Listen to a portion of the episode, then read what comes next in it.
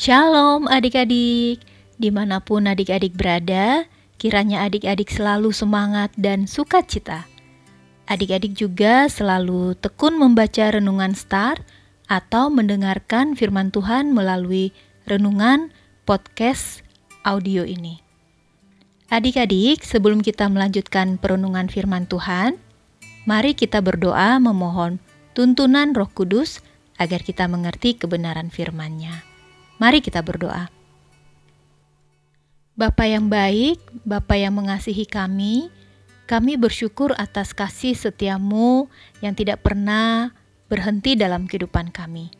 Engkau yang memberikan kepada kami putramu yang kudus, yang tunggal, Yesus Kristus, yang lahir untuk kami menjadi juru selamat. Terima kasih untuk belas kasih serta cinta kasihmu. Tuhan, kami mau membaca mendengarkan firman Tuhan. Bantu kami, tuntun dengan kuasa roh kudusmu agar kami mengerti firman-Mu dan kami juga taat melakukan firman Tuhan setiap hari. Terima kasih Tuhan, di dalam nama Tuhan Yesus kami berdoa. Amin. Adik-adik, renungan kita hari ini diberi judul Tuhan Yesus lahir.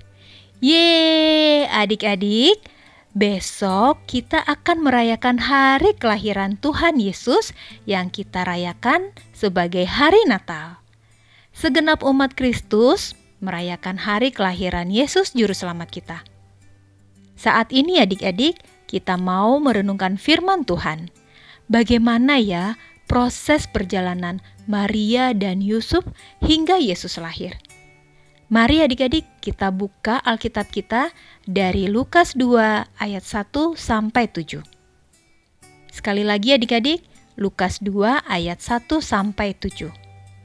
Bersama dengan teman kalian Aviela, mari sama-sama kita bacakan firman Tuhan. Lukas bab 2 ayat 1 sampai 7.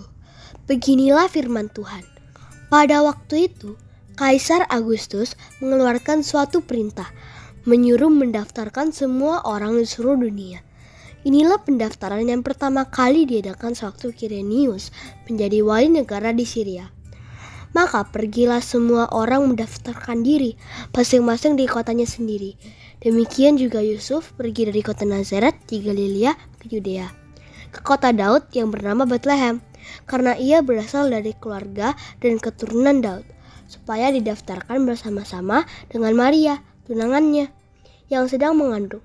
Ketika mereka di situ, tibalah waktunya bagi Maria untuk bersalin, dan ia melahirkan seorang anak laki-laki, anaknya yang sulung. Lalu dibungkuskannya dengan lampin dan dibaringkannya di dalam palungan, karena tidak ada tempat bagi mereka di rumah penginapan. Demikianlah firman Tuhan. Adik-adik, Mari kita baca sekali lagi Lukas 2 ayat 7 sebagai ayat fokus kita yang mengatakan, Dan ia melahirkan seorang anak laki-laki. Anaknya yang sulung lalu dibungkusnya dengan kain lampin dan dibaringkannya di dalam palungan, karena tidak ada tempat bagi mereka di rumah penginapan. Adik-adik, Kaisar Agustus mau melakukan pendataan penduduk di wilayah kekuasaannya. Ini adalah sensus penduduk pertama kali dilakukan. Para penduduk kembali untuk mendaftarkan diri di daerah asalnya masing-masing, termasuk Yusuf dan Maria. Maria yang mengandung melakukan perjalanan dari Nazaret ke Bethlehem.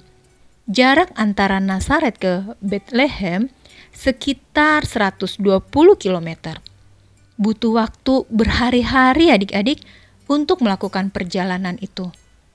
Wah, pasti berat sekali ya adik-adik perjalanan yang Maria dan Yusuf lalui. Terlebih adik-adik, Maria dalam keadaan sedang mengandung dan sudah hampir tiba saatnya melahirkan. Yusuf dan Maria mencari penginapan tetapi semua penginapan penuh. Akhirnya, Maria melahirkan bayi Yesus di sebuah kandang, dan bayi Yesus dibaringkan di dalam palungan dan dibungkus kain lampin. Adik-adik, Yesus lahir ke dunia ini bukan di istana atau rumah yang mewah, tapi di kandang binatang dan dibaringkan dalam palungan tempat yang sangat sederhana. Kita bersyukur adik-adik, Tuhan Yesus lahir buat kita menjadi juru selamat kita. Dan mari kita contoh teladan Yesus yang mau hidup sederhana.